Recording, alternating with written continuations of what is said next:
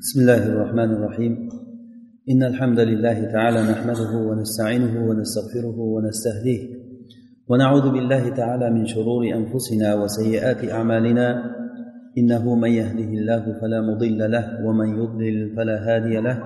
ونشهد أن لا إله إلا الله وحده لا شريك له. ونشهد أن سيدنا وإمامنا وأستاذنا وقدوتنا محمدا عبد الله ورسوله. صلى الله عليه وعلى اله وصحابته ومن اهتدى بهذه الى يوم الدين وسلم اللهم تسليما كثيرا وبعد السلام عليكم ورحمه الله وبركاته biz o'tgan darsimizda vaqt haqida gapirgan edik vaqt bu musulmonlar bu vaqtni hayotni bir juzi deb e'tibor oladigan narsa g'arbdagi kishilar esa vaqtni bu pul bilan hisoblaganliklari uchun vaqt bu pul deyishadi. Lekin musulmonlar buni to'g'ri ta'rif berib aytishadiki e, vaqt bu hayotni juzlaridan biri. Vaqtni g'animat bilishlik inson hayotini g'animat bilishligi haqiqiy bir aqlli kishilarni ishi. Biz bu haqda o'tgan darsimizda gapirdik va bunga e, ba'zi bir misollar keltirdik. Va suhbatimizni ba'zi bir e, aytmoqchi bo'lgan narsalarimiz qolgan qolgan edi. Mo'min kishiga eng pand berayotgan narsalardan biri hali qilaman degan keyinroq qilaman hali qilaman keyin qilaman degan narsa ko'pchiligimizni g'aflatda qoldirib aldab qo'yayotgan narsa shu. Ba'zi kishilarni ko'rasiz pensiyaga chiqsam namoz o'qiyman deydi. Yo bir imorat boshlab qo'yibman shuni tugatsam qilaman deydi. Tolib ilmlarga qarasangiz dars qilish kerak bo'layotgan bo'lsa keyin qilaman bir kun qolganda qilaman yo o'sha kuni qilib olaman yoz bo'lsa qish kelganda qilaman deydi qish bo'lsa yoz kelganda qilaman deydi. Vaqtlar o'tishi bilan umr o'tib ollohni toatidan ko'p yaxshiliklardan inson qolib ketganligini keyin o'zi biladi. Uni ham bilgan odam biladi. Shuni misoliga bir hadisni hammamiz ko'p eshitgan bo'lsak ham shu bizga ba'zi bir e, foyda joylari biz bu hadisni ko'p o'rinlarda aytib o'tgan edik darslarimizda lekin e, bo'lib bo'lib foyda joylarini aytgan edik. Hadis abdulloh ibn kab ibn molikni hadislari hammamiz eshitganmiz mashhur hadis. Buxoriy rahimaulloh rivoyat qilgan sahihlarida abdulloh ibn kab ibn molik ya'ni kab ibn molikni o'g'illari rivoyat qiladi. Kab ibn molik hayotini oxirgi paytlarida ko'zlari ojiz bo'lib qolgan. O'g'illari abdulloh u kishini yetalab olib yurar edi. Shu o'g'illari aytib beradilar menga otam kab ibn molik aytib bergan edi. Kab ibn molik aytadilarki yozni eng issiq vaqti kelgan paytida mevalar g'arq pishgan bo'lgan paytda hech bir kishi agar o'zini holatiga qo'yib bersa uydan chiqmaydigan holat edi. Uydan chiqmaydigan holat edi. Mana shu paytda rasululloh sollallohu alayhi vasallam musulmonlarni jihodga chaqirdilar. Tabuk g'azotiga ya'ni bu tabuk g'azoti shimolga chiqib rum bilan urushishlik kerak bo'lgan g'azot edi. Urdun tarafga qarab madinani yuqori tarafiga. Qariyb bir oylik masofa edi. Har jihatlarda rasululloh sollallohu alayhi vasallam tavriya qilib turib ketadigan jihatlarini yashirib aytardilar. Agar bu tomonga jihod qilmoqchi bo'lsalar bu tomonga ketishlikni aytardilar. Ya'ni ochiq falon joyga boramiz demasdan falon joydagi e, nimalar qanaqa ekan o'sha yerda agar suvlar bo'lsa suvlar bormikan ichishga?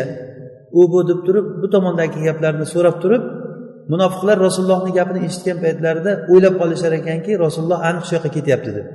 Va musulmonlarni yig'ib shu tomonga qarab chiqib ketar ekan munofiqlar o'ylar ekan shu yoqqa ketdi deb rasululloh madinadan chiqib bo'lgandan keyin aylanib bu tomonga qarab ketar ekanlar.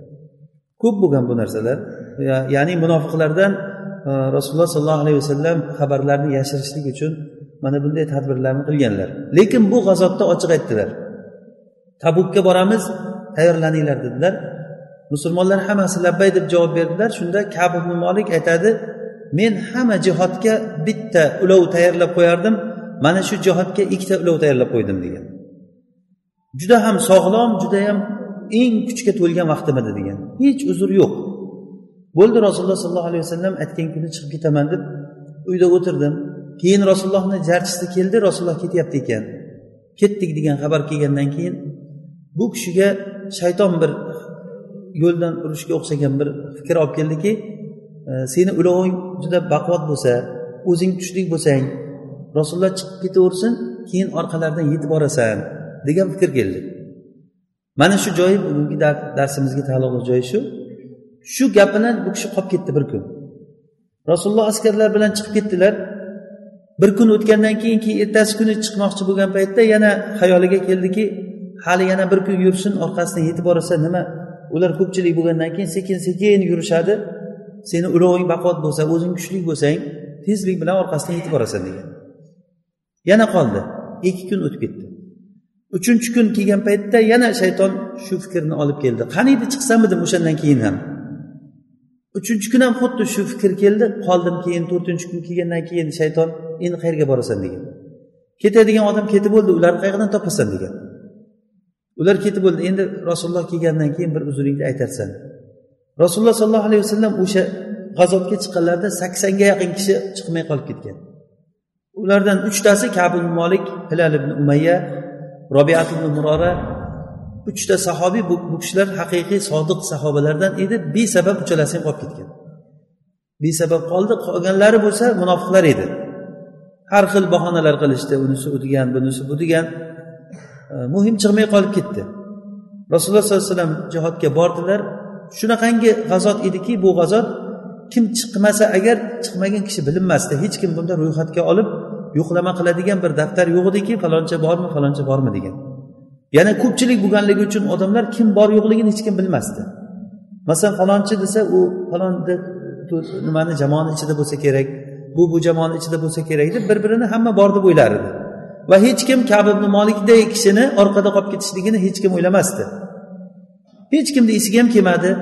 Rasululloh sollallohu alayhi vasallam tabukka bordilar va u yerda ish bitgandan keyin kechqurun dam olib o'tirgan joylarida rasululloh kab ibn malikni esladilar. Kab ko'rinmayapti deganda bir kishi aytdiki ey rasululloh bu kabni dunyo ko'zini nima qilib olib dunyoga berilib qolib ketgan. O'zini kiyimini tomosha qilib o'tirib o'tiravergan uyida. Deganda keyin muaz turib aytdiki sen bekor aytibsan u solih kishi uni bir uzri bo'lishi kerak ey rasululloh degan. Rasululloh indamay qo'yganlar. Shu bilan g'azotdan qaytib kelishdi rasululloh kelyapti ekan deb eshitgandan keyin kab ibn molikni qalbiga g'ulg'ula tushdi nima desam ekan rasulullohga nima bahona aytsam ekan? Va u kishi shunchalik bir jadal berilgan so'zamol kishi edilarki har qanday odamga bir fikrni aytmoqchi bo'lsa o'zini gapini rozi qilib aytib chiqib ketardi. Shunda o'zini qavmi bani salama bilan maslahat qilgan paytda ular aytishdiki rasululloh sollallohu alayhi vasallam juda muloyim yaxshi odamlar. Sen nima bir narsa bahona qilib qo'ygin keyinchalik xizmatlaring ko'p seni. Bundan oldin ham sen rasulullohga hech qanaqangi xilof qilmaysan qilmagansan. Degan maslahatlarni berishgan rasululloh keldi degandan keyin meni qalbimdan botil ko'tarilib ketdi degan. Qalbimdan botil ko'tarilib ketib hech ikkilanmasdan rasulullohni oldilariga borib to'g'risini aytaman degan. Va kirdim rasulullohni oldiga kirganimda rasululloh sallallohu alayhi vasallam hamma munofiqlarni nima uchun bormaganligi haqida so'rab nimaga bormadilaring desa kim nima uzr aytsa uzrini qabul qilib chiqarib yuboraverganlar men rasulullohni oldiga kirganimda rasululloh menga qarab g'azablangan kishini jilmayishligida jilmayib qo'ydilar degan. Nimaga g'azotdan qolib ketding deb so'raganlarida ey rasululloh men shu g'azotda ikkita ulov tayyorlab qo'ygan edim besabab chiqmadim degan. Agar sizni oldingizda men u bu deb turib aytib ketishligim mumkin lekin ollohni oldida bu narsalar o'tmaydi. Men besabab chiqmadim menga ollohni hukmini joriy qiling nima bo'lsa roziman degan. Rasululloh aytdilarki ana bu lekin to'g'ri gapirdi dedilar. Bo'pti sen ketavergin senda alloh taolo nimani hukm qilsa shu bo'ladi dedilar. Kab shu bilan rasulullohni oldidan chiqqandan keyin qavmi bani salama uni ortidan tushib sen esingni yedingmi nimaga bunday to'g'risini gapirding? Rasulullohga sal uzr aytsang bo'lardi rasululloh uzrni qabul qiluvchi zotlar nimaga bahonang bahonani aytmading?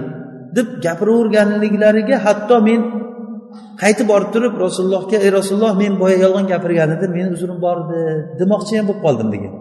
Shu darajada qavmim meni malomat qilganligiga. Shu paytda mendan boshqa ham odamlar bormikan bormagan deganda ha ikki kishi bor ekan. O'zi kabimni molik rasululloh jihodga ketgan paytlarida aytadilarki madinani ko'chalariga chiqsam ko'chada faqat zaiflarni ko'rardim ayollar yosh bolalar va olloh jihatdan ularni uzrli qilgan odamlar ya'ni cho'loq kishi ko'zi ojiz kishi yo bo'lmasa munofiqni ko'rardim degan ya'ni basharasiga shunday munofiqlikda bitib qo'yilgan odamlarni ko'rardim degan ularni ichida men ham yuribman shuni ichida degan. Shunga ham bu kishini vijdonlari judayam qiynalgan. Keyin qaytib borib turib rasulullohga men yana qaytadan uzr aytaman demoqchi bo'ldimdan keyin keyin men bilan boshqa yana kim bor deganda sendan boshqa yana ikkita sohibing bor.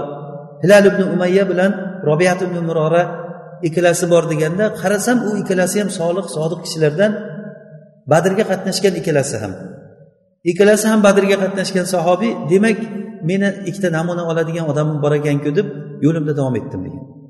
Tamom shu bilan rasulullohni oldiga kirmadim degan. O'zi kabimni molik badrga qatnashmaganlar. Badrga qatnashmaganlar. U kishi lekin u kishi aytadilarki men badrga qatnashmadim badrga qatnashmagan kishini alloh taolo malomatlamagan chunki o'zi badrga ko'p sahobalar qatnashmagan. Rasululloh sollallohu alayhi vasallam badrga urushaman deb chiqmagandilar. Badr g'azoti bu ollohni qadari bilan musulmonlar bilmagan holatda bo'lgan. Musulmonlar karvon uchun chiqqan bo'lgan aslida. Bir uch yuzdan ziyodroq kishi chiqqan qolganlari madinada qolishgan. Aksar sahobalar ko'pchiligi qatnashmagan badrga. O'shalarni ichida kab ibn molik ham bo'lgan. Shuning uchun bu urush butun ommaviy safarbarlik bilan da'vat bilan bo'lmaganligi uchun hech kim bir birini malomatlamadi. Kab ibn molik aytadilar men badr g'azotiga qatnashmaganligimga afsuslanmayman. Men bayatul aqabada qatnashganligim bilan faxrlanaman. Shu menga yetadi deb o'ylayman. degan. Bayatul aqaba hammamiz bilamiz mashhur bir qissa. Agar vaqtimiz ochsa u haqida ozroq gapiramiz. Aytadilarki agarchi badr g'azoti mashhur bo'lsa ham bu qissa lekin men unda chiqmaganligimga afsuslanmayman degan. Shu bilan rasululloh sollallohu alayhi vasallamdan xabar keldiki musulmonlar hech kim shular uchalasi bilan gaplashmasin degan. Hamma musulmonlar bizdan aloqani uzdi degan. Hamma musulmonlar aloqani uzdi salom bersak salomimizga alik olmaydi. Bozorga chiqsak hech kim gapimizga quloq solmay gapirmaydi. Gapirsak teskari qarab ketaveradi hamma. Meni ikkita sherigim hilal ibn umayya bilan robiyat ibn marora ikkalasi yoshi ham kattaroq kishilar bo'lgan uyidan chiqmay yig'lab uyda yotaverdi degan. Men yosh yigit edim uyda o'tirsam ichim qizib ketadi. Bozorlarga chiqaman bozorda chiqib odamlar bilan uchrashsam kimga salom bersam salomimga javob qaytarmaydi. Gapirsam gapimga javob bermaydi hech kim. Masjidga kelaman rasululloh sollallohu alayhi vasallamga salom bersam rasululloh og'izlarini qimillatdimi yo'qmi sezilmaydi. Namoz o'qib o'tirgan paytimda o'g'rincha ko'zim bilan ko'zim taki bilan rasulullohga qarasam rasululloh yuziga yuz o'giradilar agar namozimga berilib o'zim namozimni o'qiversam rasululloh menga qarab qarab qo'yadilar. Shu darajada menga hayot tor bo'lib ketdiki hech bir siqinti bo'lib ketdi. Hattoki shu darajagacha qirq kun o'tdi mana shu bilan. Qirq kun dunyo tor bo'lib ketdi. Xuddiki qur'onda ular haqida alloh taolo aytadiki yer shunchalik keng bo'lishligiga qaramasdan bizga tor bo'lib qoldi degan. Qirq kundan keyin rasulullohni elchisi keldidan keyin rasululloh aytyaptilar ayolingdan chetlanar ekansan degan. Qirq kundan keyin. Taloq qilishim kerak ekanmi? degan. Shunchalik rasulullohga bo'lgan toatni qarangki taloq desa agar o'sha payt xotin taloq qiladi yo'q taloq qilishing emas faqat yaqinlashmay ekansan deganda bo'ldi deganda xotiniga aytganki ota onangni uyiga borib turgin rasululloh shuni buyuribdilar degan. Ammo boyagi ikki kishini xotinlari bo'lsa xotini hilal ibn umayyani xotini kelib ey rasululloh siz buyurgan ekansiz xotinlardan chetlanishlikka. Meni erim mensiz yasholmaydi u juda qari kishi. Xizmatini qilib turmasam bo'lmaydi deb izn so'radi xotini. Shunda rasululloh izn berdilaru lekin senga yaqinlashmasin dedilar. Yaqinlashishni nima deysiz? U o'zi bir qarigan odam ham yana siz aytganingizdan beri uydan chiqmasdan yig'lab yotibdi hech narsaga yaramaydigan bo'lib qolgan. Uxlamaydi ham faqat yig'laydi degan. Ammo kab ibn molik bo'lsa xotinini jo'natib yuborgan va yana qavmi kelib turib xotin izn so'ra xotiningni boshqalar izn so'radi sen ham izn so'ra deb aytgan paytlarida men rasulullohni oldiga borib nima deyman yosh yigit bo'lsam? Yana rasululloh nima deb javob berishini ham bilmayman. Yo'q men izn so'ramayman degan. Qirq kundan keyin ellik kun mana shu holatda o'tdilar. Shunaqangi hayot tor bo'lib ketdiki u kishini amakisini o'g'li abu qatada nihoyatda menga suyukli kishi edi. Men shuni bog'iga kirdim degan. Kirib salom bersam salomimga javob bermaydi. Sen menga gapirging kelmaydi bilasan men olloh va rasulini yaxshi ko'rishligimni bilasan desam javob bermaydi degan. Yana takror aytdim shu gapni. Men olloh va rasulini yaxshi ko'rishligimni bilasanku sen deb aytsa yana javob bermagan. Uchinchi marta aytgandan keyin olloh biladi deb qo'ygan. Shu payti o'zimga molik bo'lolmasdan qattiq yig'lab yubordim degan. Ko'zlarimdan yosh oqdidan keyin devordan sakrab tashqariga chiqdim degan. Tashqariga chiqib siqilib ketganligimdan bozorga kirdim. Bozorda yursam bir odam kim kab ibn molik kim? deb yurgan ekan degan. Shu paytda men kab ibn molik desam u nimadan shomdan kelgan bir odam nabotiy nimasidan e, qavmidan g'asson podshosidan xat olib kelgan ekan menga. Kab ibn molik kim? deganda odamlar meni ko'rsatdi degan. To'g'ri meni oldimga kelib qo'limga bir xat berdi degan. Xatni shundoq ochib qarasam g'asson podshohidan xatda yozilganki biz eshitdik seni sohibing sendan yuz o'girgan ekan. Agar sen ularga kerak bo'lmasang bizga keraksan. Kelgin bizni oldimizda sen mukarram odam bo'lasan. Degan ma'noda kofir podshoh uni o'ziga chaqirgan. Shunda bu kishi aytdilarki mana bu men uchun katta imtihon bo'ldi dedilar. Shunday xatni olib borib turib tandirga tashlab yoqib yubordi. Bomdod namozini o'qib bo'lgandan keyin uyni tashqari tomoniga chiqib turgan paytimda shu payti uzoqdan bir nido qiluvchi baqiriq ovozini eshitdim.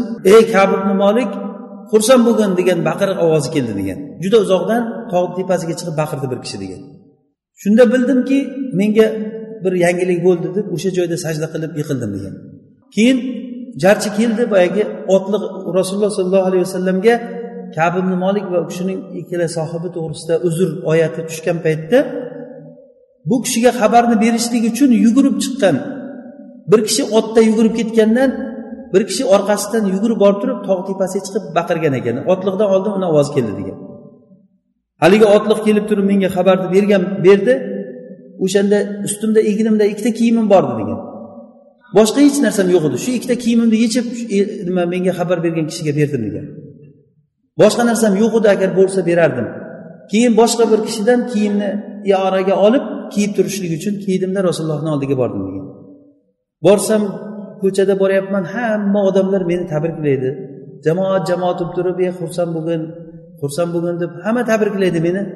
Masjidga kirgan paytimda rasululloh sollallohu alayhi vasallamni yuzlari xursandchilik paytida bilinardi yorishib ketardi rasulullohni yuzlari.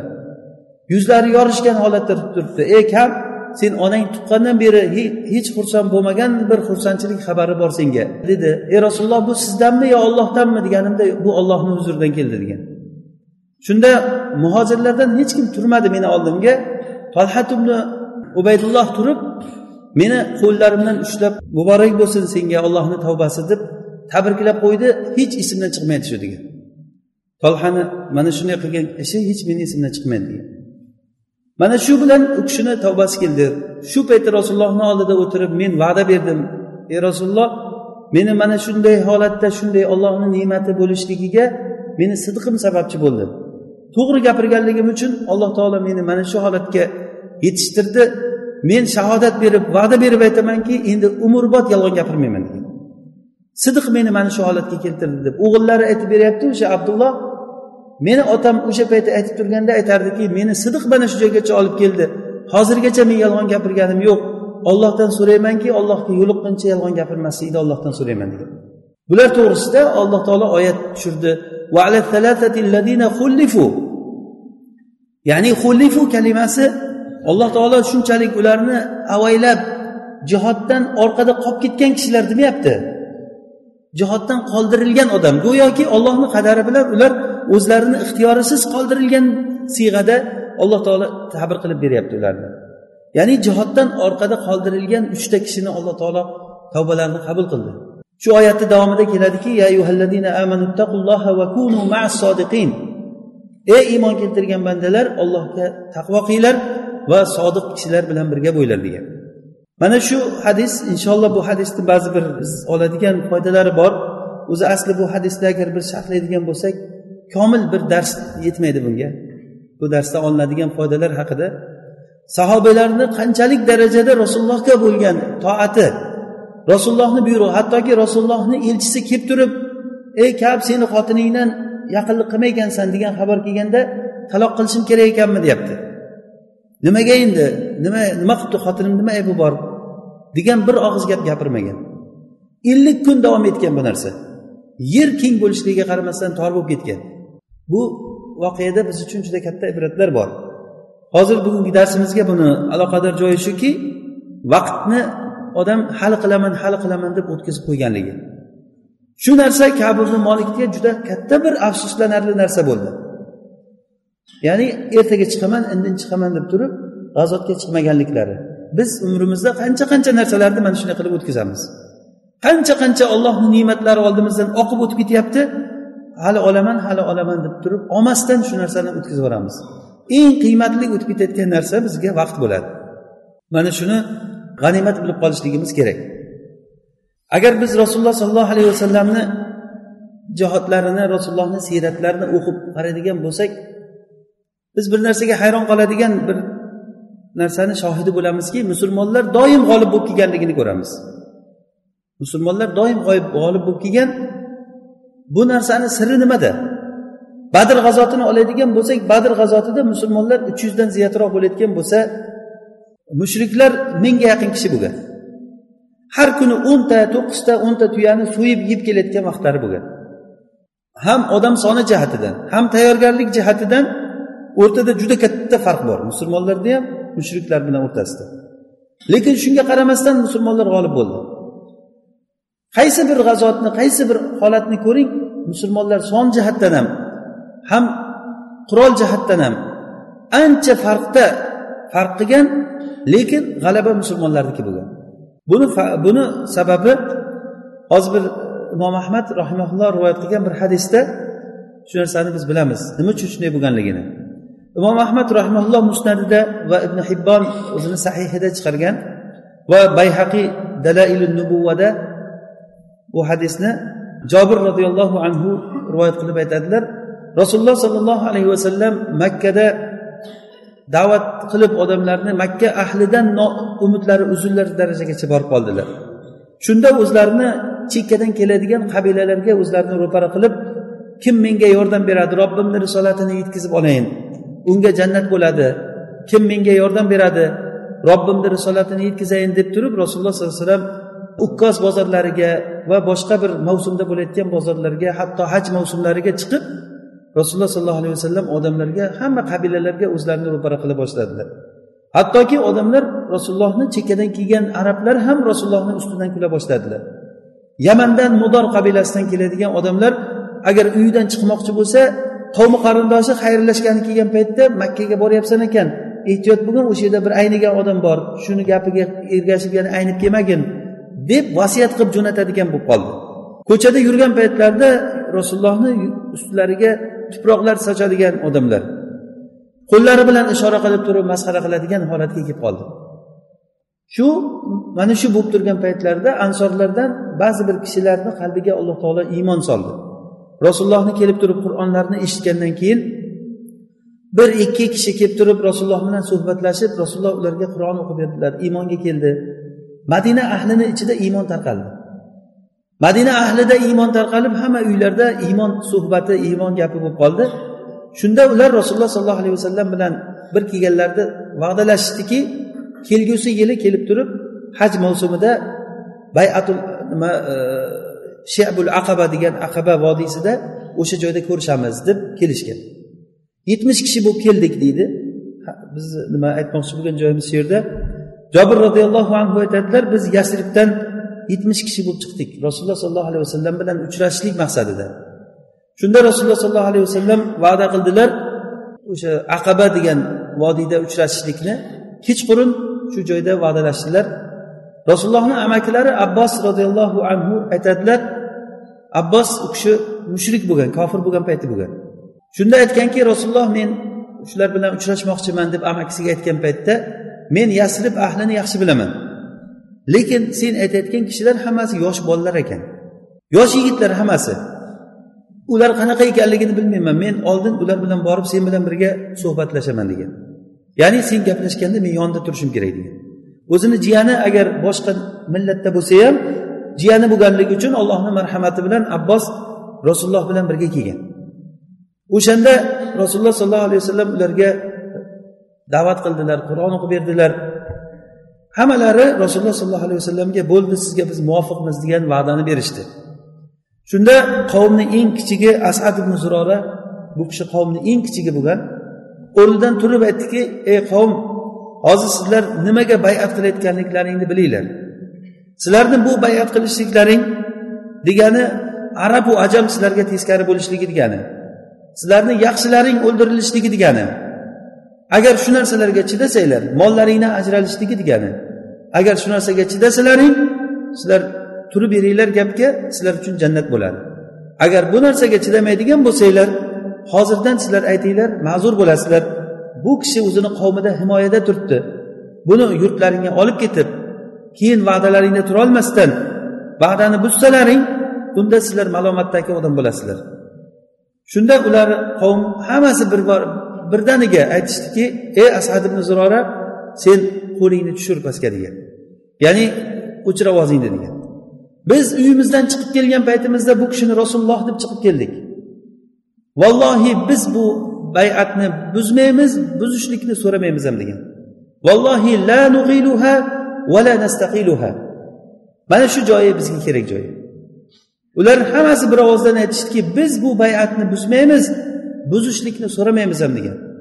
Shunda hammalari turib rasulullohga aytdiki ey rasululloh agarda sizni biz himoya qilsak biz bilan birga yurtimizga borasiz.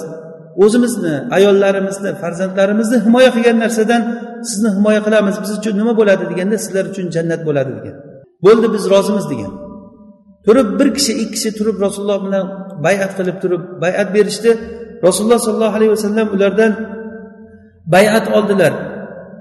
Xursand bo'lib turgan holatda ham yoqtirmay turgan holatda ham qiyinchilik paytda ham yengillik paytda ham har qanday holatda quloq solishlik toat qilishlikka ular va'da berishdi. O'shalarni ichida kab ibn molik ham bor edi. Mana shu kab ibn molikni bergan bayatidan biriki va'dasi o'ziga yoqmay turgan paytda ham rasulullohdan amr kelib turib rasululloh seni xotining bilan ajralib turishlikka buyuryapti deganda o'sha paytda javob beryapti birdan. Ansorlar mana shunday va'dani berib rasululloh sollallohu alayhi vasallamni o'zlari bilan birga olib ketishgan. Mana shu sirri bu yerda. Sam va toa degan ya'ni rasululloh nima desalar labbay deb javob berganliklari. Nima buyruq aytsalar yoqtirib turibdimi yoqtirmayaptimi? Qanday holatda bo'lsa ular rasulullohga quloq solishliklari. Mana shu narsa haqiqiy nimani g'alabani siri ham shunda edi. Qaysi bir joyda agar rasulullohni buyrug'iga muxolifa bo'ldimi xilof qilishlik bo'ldimi? O'sha joydan zarba kelganligini sahobalar davridan boshlab hozirgacha bu narsani ko'rib kelyapmiz. Uhud g'azotida bir marta rasulullohni buyrug'ini bajarmaganliklari uchun sahobalar qanday holatga tushib qoldilar? Rasululloh aytdilarki shu kamonchilarga sizlar tepadan tushmanglar pastga. Biz g'olib bo'lsak ham mag'lub bo'lsak ham tushmanglar. Agar bizni qushlar kelib cho'qib ketayotganligini ko'rsanglar ham tushmanglar. deb aytganlaridan keyin ham sahobalar qarasalar urush xuddi ularni xayoliga tugaganday bo'ldi. Urush boshlagandan kofirlar orqaga qarab qochdi. Musulmonlar ularni orqasidan quvib o'ldirib asrga olib g'animat olib ketyapti. Hatto mushrik ayollarni etaklarini ko'tarib juda tezlik bilan qochib ketishligida oyog'idagi taqinchoqlari ko'rinib qochib ketayotganligini ko'rdi bular. Ya'ni shunchalik tezlik bilan qochib ketayotganligini ko'rib bo'ldi hamma narsa tugab bitdi. Endi g'animat olib qolaylik biz ham deb sahobalar boyagi kamonchilar tepalikdan pastga tushib qo'yishdi. Ba'zilari ey rasulullohni buyrug'ini qilaylik rasululloh bizga shunday degandilar desa bu yerda o'tirishdan foyda yo'q urush tugadiku rasululloh urush paytida aytgan bu gaplarni deb turib tushdilar mana shu qilgan ba'zilarini xatosi bilan. Ba'zilarini qilgan xatosi bilan shunchalik zarba yedilarki hatto musulmonlar bir bir birini o'ldirib ketdilar. Urushda judayam tartib buzildi. Hattoki huzayfa ibn yamonni otasini musulmonlar o'ldirdi. Mushrik deb o'ylab o'ldirdi. Huzayfa qarab turgan holatda ey musulmonlar bu meni otam bu meni otam deb turgan paytlarida ulgurmay qoldi musulmonlar qilichlar bilan urib urib o'ldirishini ko'rib olloh rahm qilsin sizlarni otamni o'ldirib qo'ydilaring degan. Hatto shu darajagacha musulmonlar bir birini o'ldirishgacha borgan. Rasululloh o'ldirildi degan gap chiqdi. Agar rasululloh o'ldirilgan bo'lsalar biz nima qilamiz yashab deb turib shunday qurolini tashlab shu holatda mushriklar kelib ba'zilarini o'ldirdi. Shu rasulullohni orqasidan ketaylik biz ham deb. Ba'zilari rasululloh o'lgan bo'lsalar nima qilasizlar sizlarga hayot? Urushib urushib oxirigacha o'lib ketinglar deb turib o'sha maydonda turib o'lib ketganlari bo'ldi. Yetmishta shahid berdi. Rasulullohni yuzlariga temir kaskalarni temirlari yuzlariga kirib ketdi. Tishlari sindi yuzlari qonatilindi sababi mana shu musulmonlarni bitta xilof qilganligi edi.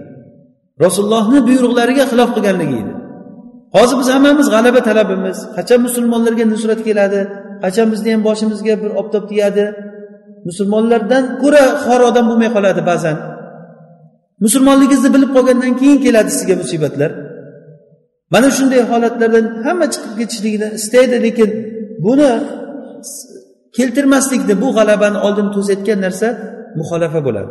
Ya'ni muxolafa degani rasulullohni buyruqlariga rasulullohni yo'liga xilof ish tutishlik yo so'zimizda yo fe'limizda yo ko'rinishimizda.